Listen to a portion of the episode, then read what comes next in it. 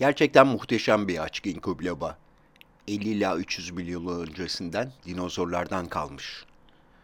Bir ara kaybolmuş ama sonra tekrar üretmeyi başarmışlar. İstanbul'da da bulunuyor ve fidanlıklarda süs bitkisi olarak üretiliyor. Ginkgo biloba yapraklarının ekstresi halinde kullanılmış. Çay olarak da kullanıldığı söyleniyor ama çok yaygın değil.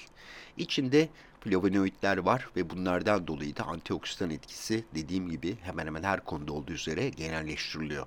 İsterseniz gelin biz hangi konularda ön plana çıkıyor onları bir değerlendirelim. Bir kere nitrik oksit nedeniyle damarları genişlettiği söyleniyor. Size keten tohumunu hatırlatacağım.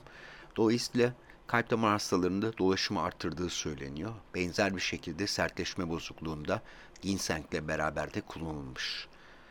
Bir de ayrıyeten biliyorsunuz monoket long ve izordil var. Bunlar bu nitratların çok daha güçlü olan ilaç formları. Biz hastalarımızda bunları kullanıyoruz. Sinir sistemi çok bahsediliyor. Yaşlanmaya ve bunamaya karşı olduğu söyleniyor. Beyin dejeneratif hastalıklarında koruyucu deniyor. Ama genellikle ilaçlara cevap gelmediği zaman bunlar tercih edilmiş. Çok belirli tut, elle tutulur bir bilgi yok.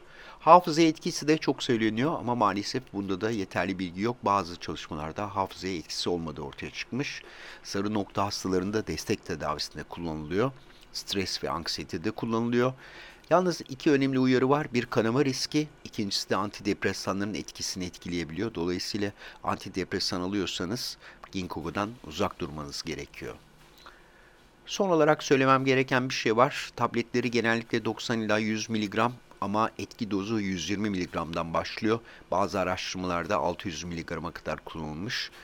Açıkçası hem ginseng hem ginkgo bazı açılardan beni hayal kırıklığına uğrattı. Ben daha çok araştırma yapıldığını ve elle tutulmuş düzgün bilgiler olduğunu zannediyordum ama onları bulamadım. Teşekkürler.